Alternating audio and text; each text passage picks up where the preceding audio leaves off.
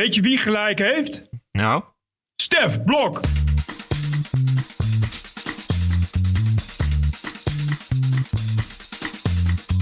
This is the TPO podcast.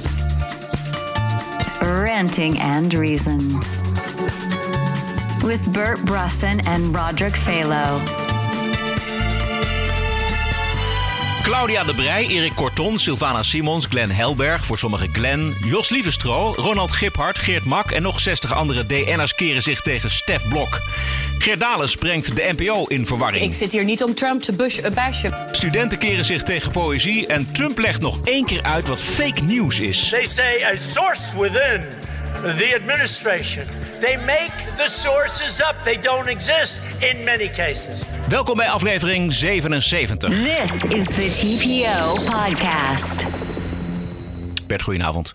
Goedenavond, Roderick. Er waren een paar klachten binnengekomen over het geluid van Bert. Terecht overigens. Eh, inmiddels is er eh, de lijn weer helemaal helder. En is er een nieuwe microfoon zelfs onderweg naar Gran Canaria. Met alle dank aan de donateurs van de TPO-podcast.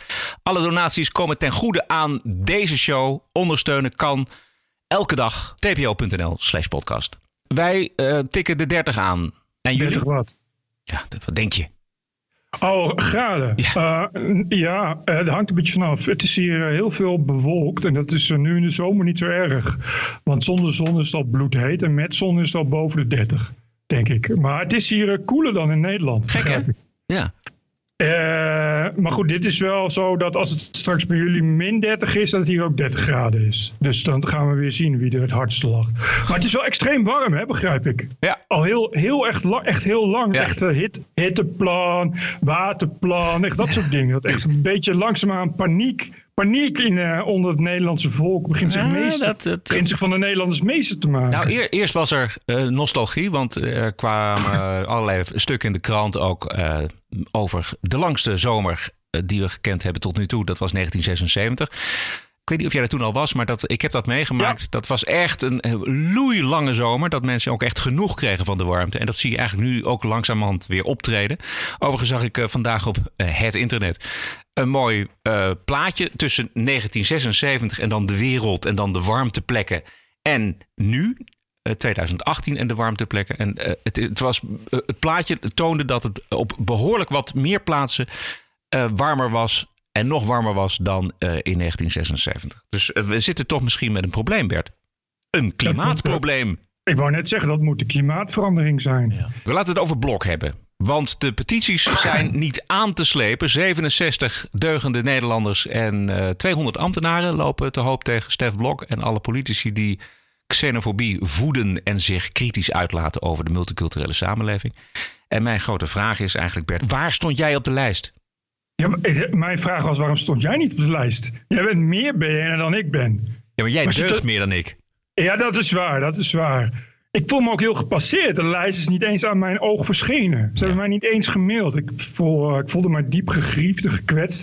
Ik heb daar echt krassen van op mijn ziel. Dat ik zo gepasseerd ben. Ik, je begrijpt dat ik nooit een moment uh, verstek laat gaan om eens even flink precies, te deugen. Precies.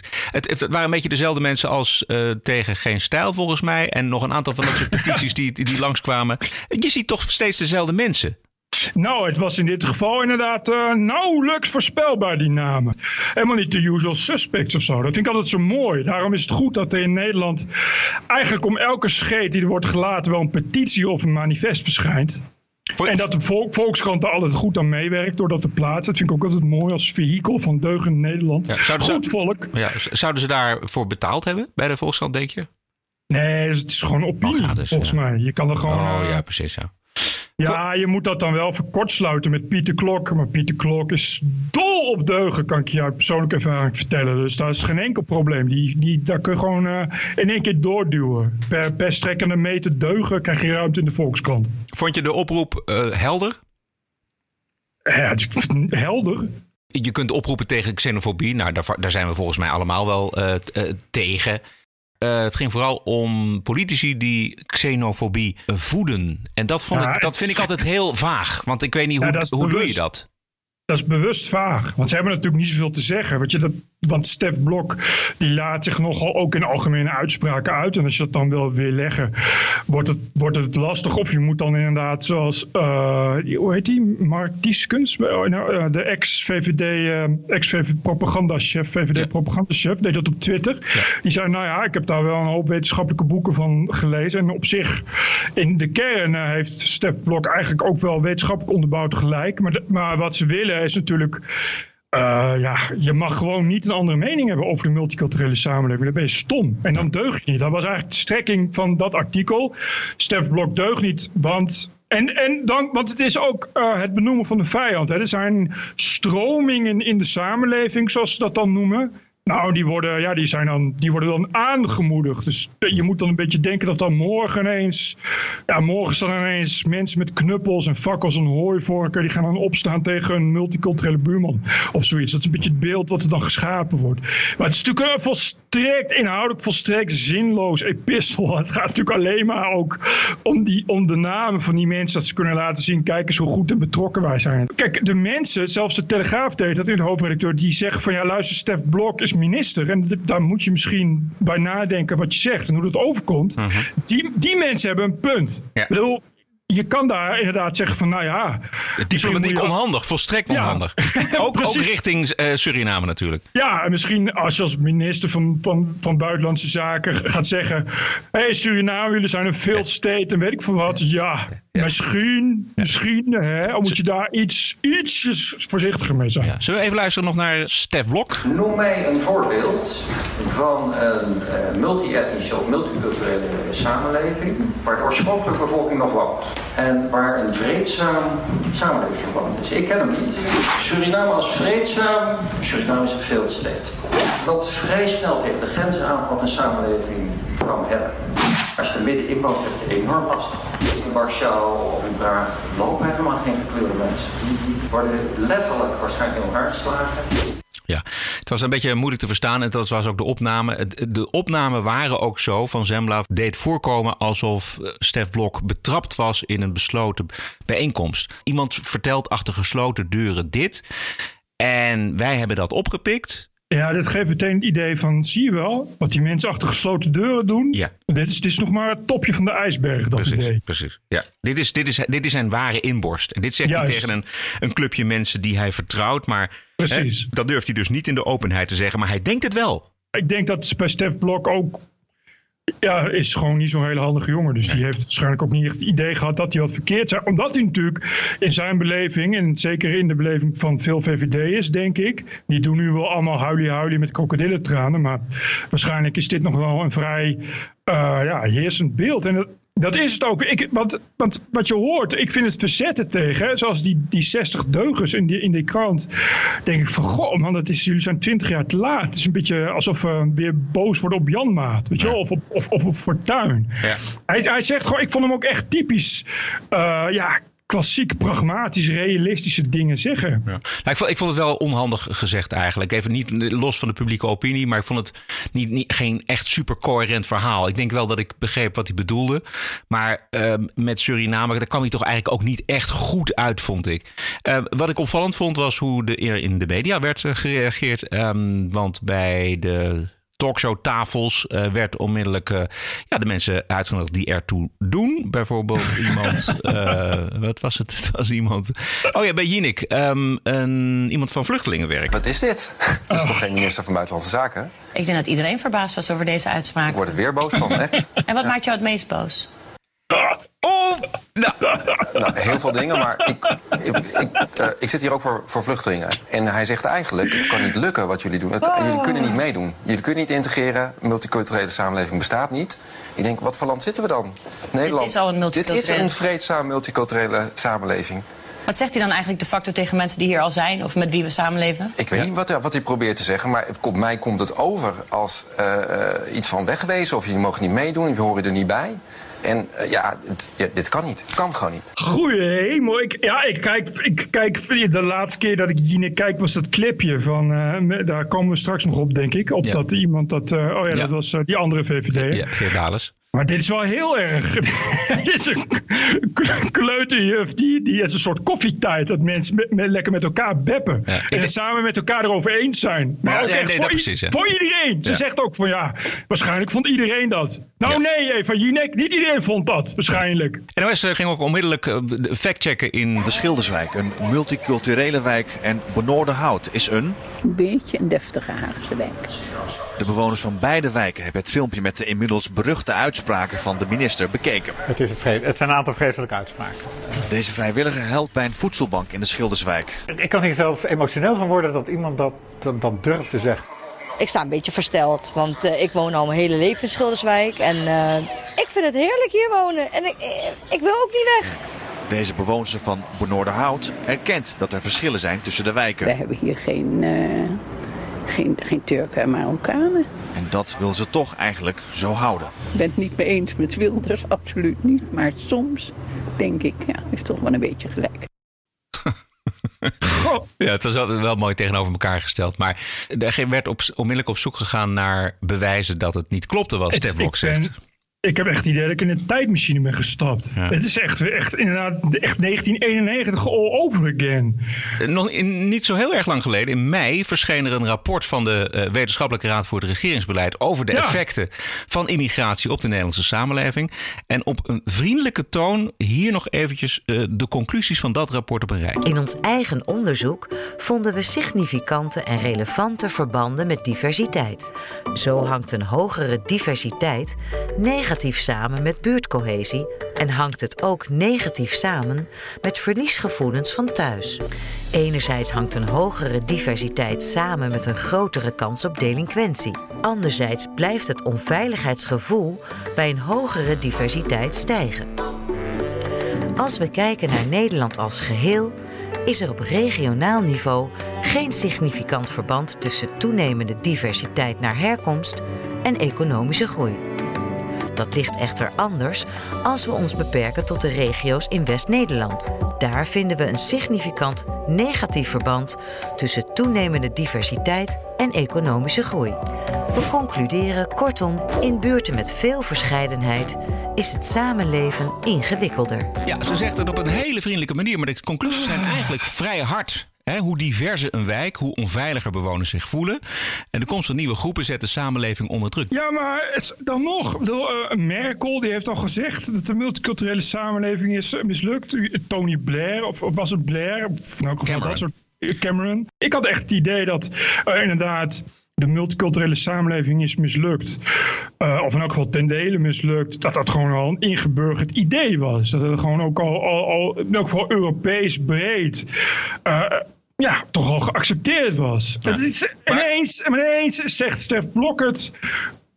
Hele grote paniek. Eh, eh, ik snap dat gewoon niet. Nou, Dat ik heb, ik, heb, ik heb daar een verklaring voor. Nou, het probleem is denk ik, ik denk dat er zal, eh, is altijd een grote groep eh, eh, Nederlanders, onder andere die eh, 67 mensen die die eh, petitie hebben ondertekend, die echt tegen willens en wetens eh, eh, willen geloven dat het allemaal prima koekenij is en dat het allemaal goed gaat in mul- multiculturele samenleving.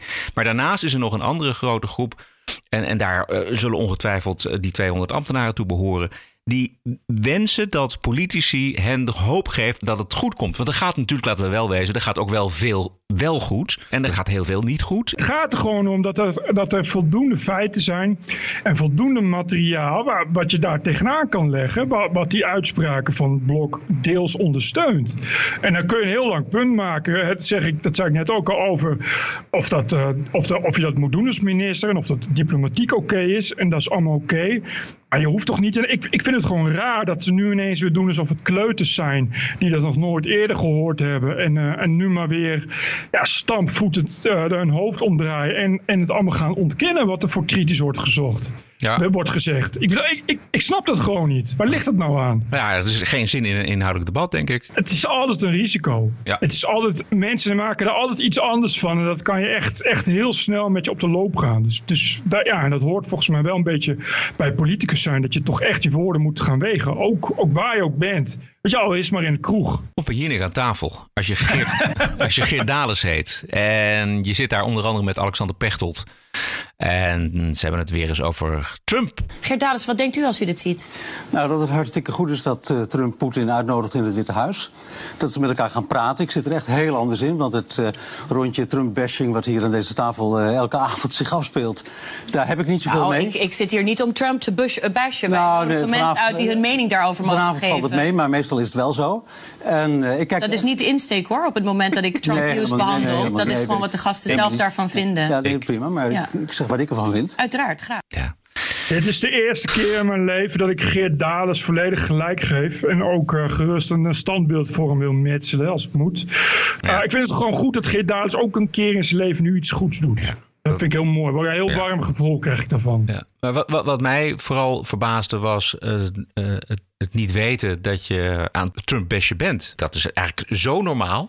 Ik, kan me, ik steek mijn hand voor in het vuur dat in al die uitzendingen van Jinek nog niet, niet één of twee zaken positief zijn belicht over, over Donald Trump. En dat je dan zegt, ja, maar wacht eens eventjes. Eh, wij zijn heel, dat is niet de insteek hoor, Trump bestje. Ja, het is totaal absurd. Totaal. Dit, dit is, dit is het En, echte ook niet, en ook niet in de gaten hebben dat je, dat je de mensen uitnodigt. Want zo'n redactie nodigt mensen uit die weten donders, die weten precies voordat ze ook maar één stap hebben gezet in die studio, weten, ze, weet een redactie wat iemand gaat zeggen aan tafel. Exact. Soms letterlijk. Exact. Dat weet jij ook. Exact. Dus nee, dat is de, het volledig. Dat- Die mensen worden ook niet uitgenodigd. Het is ook echt een misverstand om te denken dat daar mensen worden uitgenodigd voor een gesprek in de studio. Die mensen worden uitgenodigd omdat je weet wat ze gaan zeggen en je wilt dat ze dat gaan zeggen en daarom nodig je ze uit. TPO Podcast. Ik wil het graag hebben eh, met je over studenten van de Universiteit van Manchester. Die hebben een gedicht, het gedicht If van de Britse dichter Rudyard Kipling, overgeschilderd. Een van de eh, beroemdste gedichten uit de Britse literatuur stond geschilderd op een muur van die universiteit. En volgens een van de studenten eh, was de overschildering nodig, omdat eh, Kipling, geboren in India in 1865, een racist was. Ja, ik weet gewoon niet meer wat ik op moet zeggen. Het is echt zo dramatisch. Nou ja, ik ben even, ik ben even in, gaan, in gaan kijken. Want in de, in de kolonialiteit in India en Pakistan was, was echt een, wel een racistische tijd. Lees Orwell er maar op na. En Kipling, Kipling was eh, racistisch zoals de meeste Britten eh, racistisch waren in, in India. Maar hij was eh, veel meer dan dat. Nick Ferrari. Don't take this the wrong way. Really don't take this the wrong way. But if you had a war, you wouldn't worry about these damn stupid things. Now, I'm not suggesting we need a war to sort everyone out, but it's because we have been so relatively blessedly, blessedly peaceful that students can focus on nonsense such as this and they get upset by a poem. And they must have to work really hard. Do you think the average student even knows which university we're at this time? Is it Man- yeah, Manchester? Do they even know, le- let alone care about Rudyard Kipling's background? It is utterly asinine.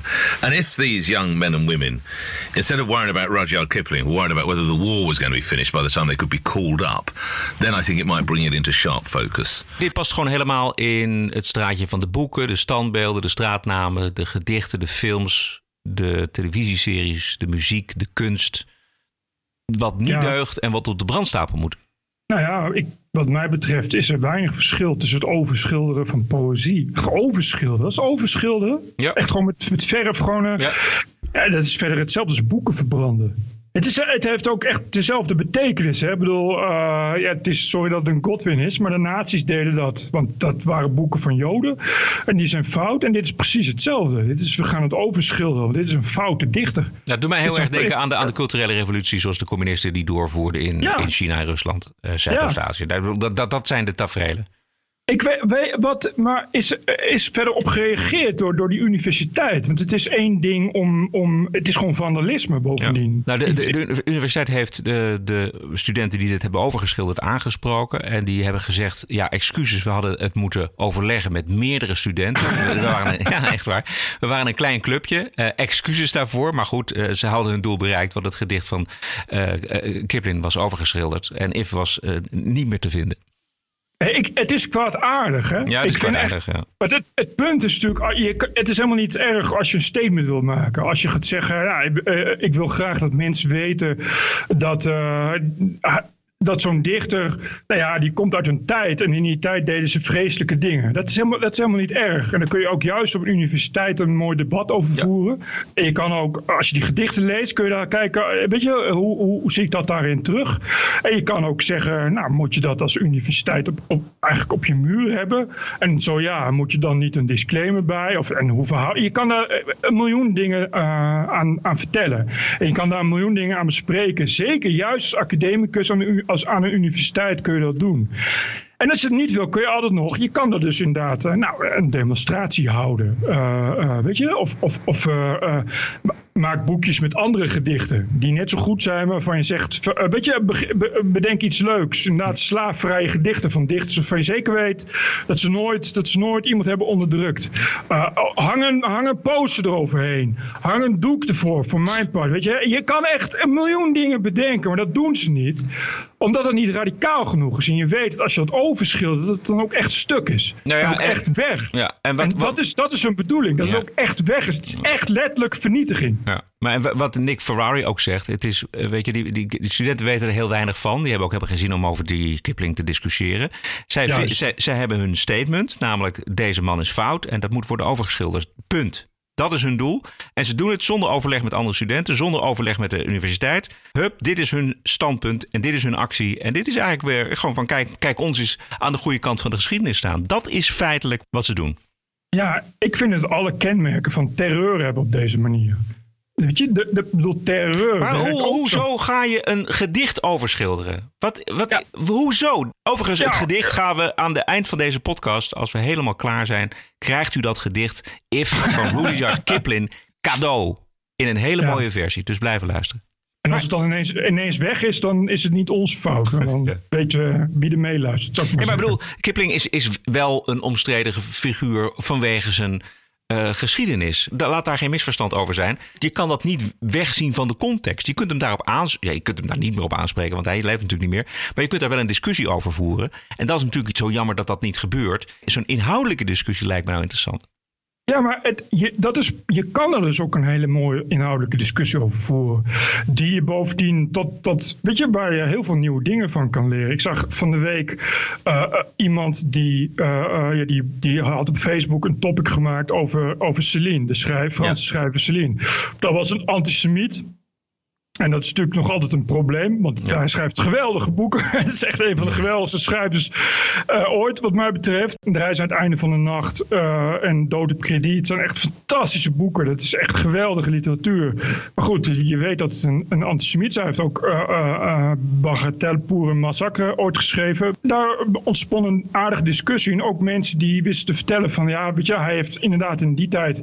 ja, dat, dat was sowieso iets wat gaande was in Frankrijk, dergelijk antisemitisme. Maar hij heeft ook tijdens de oorlog uiteindelijk Joden onderdak geboden. En dat soort dingen. En dat weet je dan niet. En dat weet ik dan ineens wel. Nou, puur alleen omdat je het daarover hebt en dat je daarover discussieert. Uh, en daardoor kan ook die literatuur wordt nog veel omvattender ja. en veel breder dan dat het in eerste instantie is. Ben ik helemaal met je eens. Maar waar het volgens mij de meeste mensen om gaat die zich in dit soort eh, discussies mengen, voor zover je kunt spreken van discussies, is gewoon uh, je mening doordrukken. Niet luisteren naar de andere kant, niet kijken naar de context, maar je punt maken en weglopen. That's it. Ja, niet, en niet alleen uh, je mening doordrukken, maar ook, ook echt schade toedoen. Ook ja. echt dingen willen vernietigen. En dat is dus een kenmerk van terreur. Dit is echt vanuit een bepaald dogma. Wil je, wil je uh, ongeacht de consequenties, ga je mensen iets opdringen. Het is terreur omdat je echt iets moedwillig vernietigt. Omdat je op deze manier, ja, en de vergelijking met de culturele revolutie in China is natuurlijk, natuurlijk uitstekend of je op deze manier echt totale stukken uit de geschiedenis wegvaagt. En je, en je het, straks onmogelijk maakt van mensen om daar nog kennis van te nemen. Want ja. dat, gedicht, dat gedicht stond natuurlijk niet voor niets op die muur.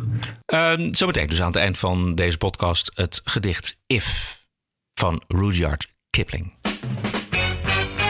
This is the TPO podcast. We ontkomen iedere week niet aan uh, Donald Trump. Uh, Bert, dat vinden wij ook helemaal niet zo erg, want er gebeurt heel veel op dit gebied. Um, er komt een tweede ontmoeting tussen Trump en Poetin. Maar nog eventjes terug naar de eerste, vorige week. Uh, CNN Wolf Blitzer met iets wat een interview zou moeten zijn uh, met de Republikeinse senator Rand Paul. Eén fragment. Ik moet zeggen, hij duurt wel een beetje lang, maar je mag onderbreken, Bert. Let's get some more on all of this uh, right now. Joining us, Republican Senator Rand Paul of Kentucky. He's a key member. Senator, thanks so much for joining us. Let me get right to the question. Do you believe that uh, President Trump's meeting with, uh, with Putin made America safer? You know, I think engagement with our adversaries, uh, conversation with our adversaries is a good idea. Even in the height of the Cold War, maybe at the lowest ebb when we were in the midst of the Cuban Missile Crisis, I think it was a good thing that Kennedy had a direct line to Khrushchev. I think it was a good thing that we continued to have ambassadors to Russia, even when we uh, really objected greatly to what was going on, even during Stalin's regime. So I think that it is a good idea to have engagement, and I think that what is lost in this is that I think there's a bit of Trump derangement syndrome. I think there are people who hate the president so much that this could have easily been President Obama early in his first uh, administration setting the reset button and trying to have better relations with Russia. And uh, I think it's lost on people that they are a nuclear power. They have influence in Syria. They're in close proximity to our troops in Syria. They are close to the peninsula of, of North Korea and may have some influence that could help us there. The other thing that's lost, and people forget this completely. It's not a matter of hating uh, President Trump. It's a matter of what he did today, what he said today. Met with uh, uh President Putin, as you know, for more than two hours. Uh, unlike other presidents, especially on foreign soil, he blamed the United States for the bad relationship with Russia. He declined to back his own intelligence community for its assessment. He declined to support the U.S. law enforcement right. community, including the Justice think, Department. Wolf, he continues, Wolf, think, Senator, he continues to call right. the hold on a second. He continues to call the news media a, right. a, free press in the United States the enemy but of I, the American people. He says the European Union. I think I would put it. Ja, wat zeg je, Bert? Ik dacht dat dit CNN was, maar ik blijk naar uh, rolfblitzer.com te luisteren. Ja, ja, het begint gaat heel goed, maar op een gegeven moment gaat het toch, is het te, te positief. Oh. En, dan, en, dan, en dan ontpopt uh, uh, Wolf Blitzer zich niet als interviewer, maar als uh, discussiënt. Maar het wordt nog veel erger, luister. Oh, has any yeah. other oh, senator, yeah, has any other president in American think, history done right, anything like I, that? But I think I would put this in perspective. So, for example, when you look at the intelligence community, the most recent leaders of the intelligence community community, James Clapper and John Brennan. James Clapper perjured himself I'm, I'm before the Senate about Dan and Coates. lied. I'm talking, I'm talking about Dan talking, Coates, uh, the current talking, director of national well, intelligence, me, who had answer, to issue well, a state. We can't, senator, can't, senator, I'm not can't have much of an interview. niet te geloven. als, interv als interviewer dat je daar ook mee doorgaat. Ja, precies. Nog een klein stukje. If you're going to interrupt me on every question, Wolf, we can't really have no, an no, interview. No, I just want to be precise. If you want to have an it's interview, you got to let me answer the questions. It's Dan Coates and Mike Pompeo. You're usually better. You're usually better than this, Wolf, at doing an interview. You need to allow the respondent to respond. It does matter who was in charge of the intelligence. It does matter because they started up some of this and ginned up this whole thing that have gone after the president saying he's committed collusion with Russia. No evidence of that, and it continues to go on. Yeah. Het is echt heel ernstig. Ik, dat, dat, dat, dat Trump derangement syndrome, waar ze het over hebben, ja dat is duidelijk, komt dat hier toch al vrij ja, zichtbaar naar boven. Is dit. Ja. Maar het is, het is echt pathologisch. Hè? Het is echt, dit is, deze man vertoont toch uh, die Rolf Blitzer. Ja, ja dat is het vertoont tekenen van een dwangmatige obsessie. Ja, kijk, weet je, het, punt is eigenlijk, en je kunt best zeggen van nou, wij zijn af en toe best wel uh, ook geneigd om de positieve dingen van, van Trump uh, te tonen. Nou, dat is, dat is dan uh, aan ons. Maar wat we nu horen bij Wolf Blitzer, en we hoorden het ook bij Eva Jinek, is, je vraagt niet aan Geert Dalen School, vindt u dat, dat we nou dat we zo vaak hier Trump-bestje zijn en waar, waar hoort u dat aan? En weet je wel, gewoon laten praten. Precies. Nee, onmiddellijk in de aanval en in de verdediging. En dat zien we hier bij Wolf Blitzer ook. Die, die wil zijn punt maken. Die hoort Rand Paul veel te positief over Trump. En die gaat, er echt, die, die gaat hem niet meer interviewen, maar die gaat er gewoon met argumenten tegenin. Ik vind het heel leuk dat die media daarvoor voor zichzelf opkomen. En dat ze zeggen, ja, wat Trump zegt doet, doet de media schade wat, uh, toe. Wat Trump zegt doet journalistiek schade toe. En dan denk ik, daar hebben ze ook wel een punt. Ik bedoel, want niet heel CNN en niet de heel de Washington Post en niet de hele New York Times is alleen maar fake news, verre van dat.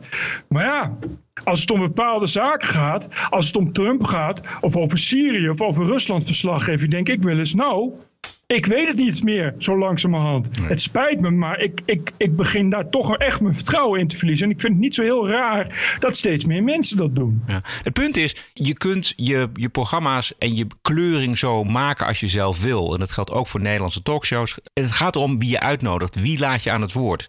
Even kijken wat ik wilde nog. Oh ja, ik vond nog een mooie uitleg van Trump. Uh, wat hij nou precies bedoelt met fake news. En dat hij daar zeker niet alle media mee bedoelt. Because I see it. I see the way they write. They're so damn dishonest. And I don't mean all of them, because some of the finest people I know are journalists. Really. Hard to believe when I say that. I hate to say it, but I have to say.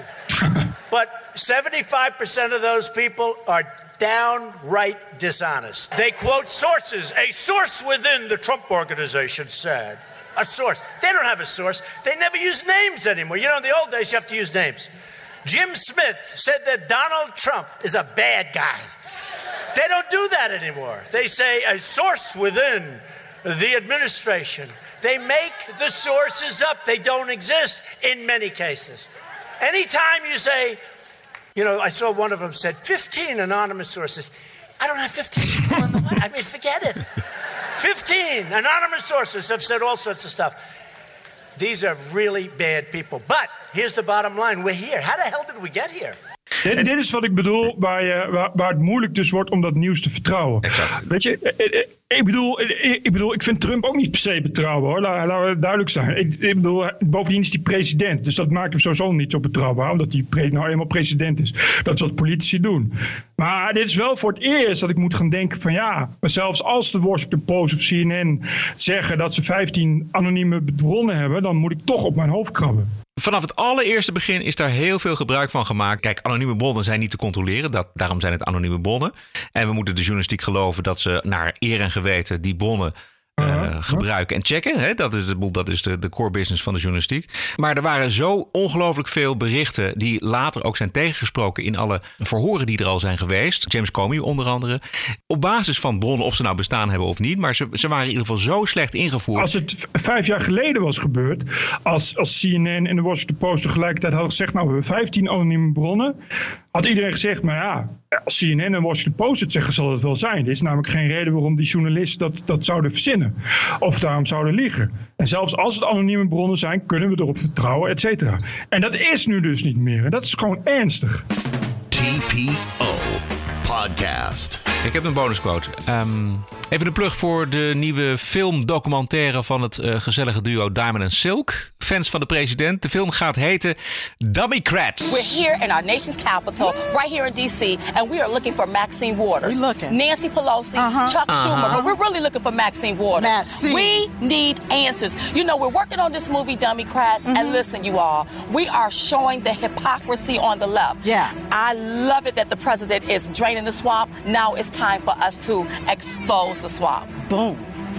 Let's take a look. Oh, I'm so excited. there they go back there. We're going to go inside. We on our way, y'all. Yes. Mm -hmm. ja, ze staan dus voor het Witte Huis. Uh, Diamond en Silk, aha. Wanneer de documentaire uitkomt, daar uh, houden wij jullie van op de hoogte. We gaan die echt een documentaire maken? Ja, is het serieus? Ja, die zijn echt bezig. Zijn de... Awesome. Ja, awesome. Um, dit was aflevering nummer 77. Wilt u dit geluid ondersteunen? Ga dan naar tpo.nl slash podcast of via Patreons. Het uh, wordt zeer gewaardeerd. Ieder bedrag is van harte welkom. Wilt u schrijven naar de show? Dat kan ook. Schrijf dan naar info.tpo.nl Positief, negatief, mag allemaal. Ja, en uh, op Twitter, @tpo_quotes En daar ook de afleveringen en fragmenten en andere leuke Twitter-ins. Aha. Aha, aha, yeah, aha. uh, wij zijn terug op dinsdagmiddag 31 juli. Tot dan. TPO Podcast. Bert Bruson, Roderick Balo, Ranting and Reason.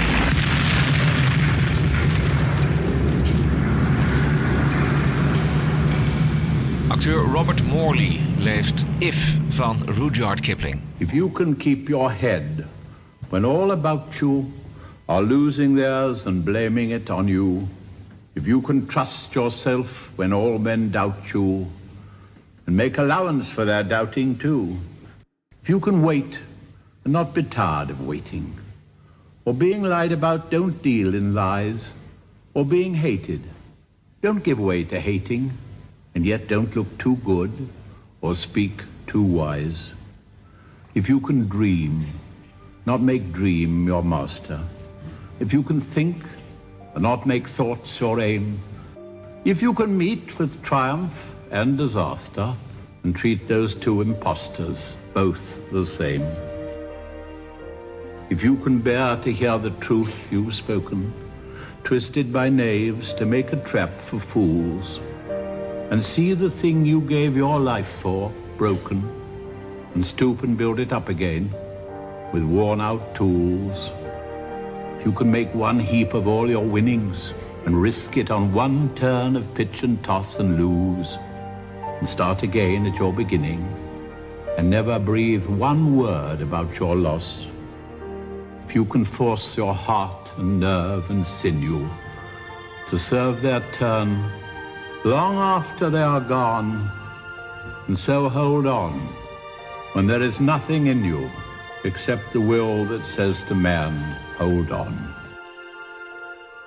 If you can talk with crowds and keep your virtue, walk with kings nor lose the common touch, if neither foes nor loving friends can hurt you, if all men count with you, but none too much, if you can fill the unforgiving minute with 60 seconds worth of distance run, yours is the earth and everything that's in it, and which is more, you'll be a man, my son.